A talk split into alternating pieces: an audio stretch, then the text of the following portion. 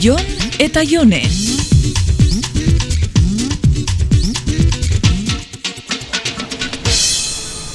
Akordatzen nola jardun ginen lenguan motoen inguruan? Bai, bai.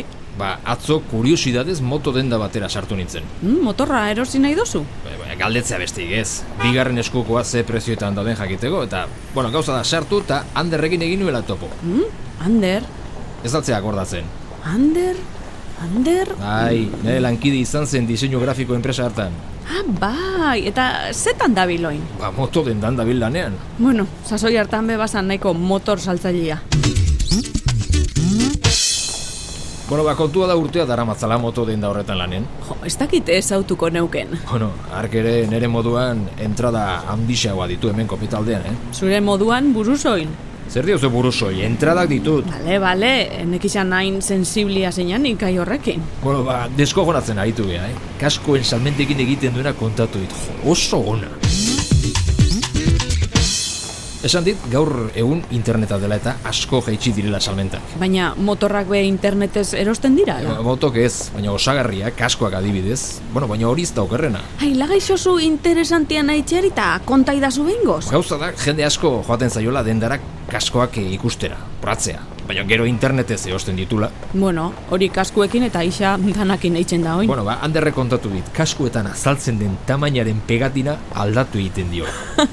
Benetan? Bai, bai, bai, horrela norbaiten probatu eta taila ikusi ondoren, gero internetez eskatzen duenean taila okerra erosten du. Ona eristen jata, baina putada handi samarra. Jode, noiz behin norbait kejaka ere etorri hemen zaio, eh?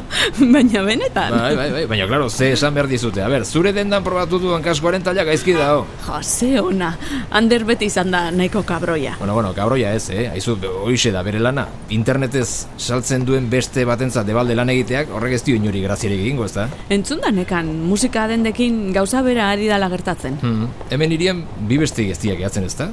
Zentruan, eh, bata besteren alboan dauden bi hoiek? Bai, bai, jentiak hori eitzen da belako. Instrumentua dendan probau eta gero internetez erosik. Ba, ze esaten ez, neri oso ona iruditzen zaik askoaren asuntua. Bai, zuri gertatzen ez bajatzu. Nik ez eta apenas ez ere osten internet bidez, eh? Ja, nik hori bera esaten eman oindala gitxi, baina konturatu naiz, gero eta geixautan eitzen dutela. Ja, ikusiko duzu, eh? Internetaren asunto honekin, hemendik urte gutxita, dendatan gauza probatzeatik ere kobratu egingo digute. Ai, Jon, Juan Bierra dakat, e, bixar tarte bat badakazu, pasau zaitxe bulegotik, bale? Jon eta Jone.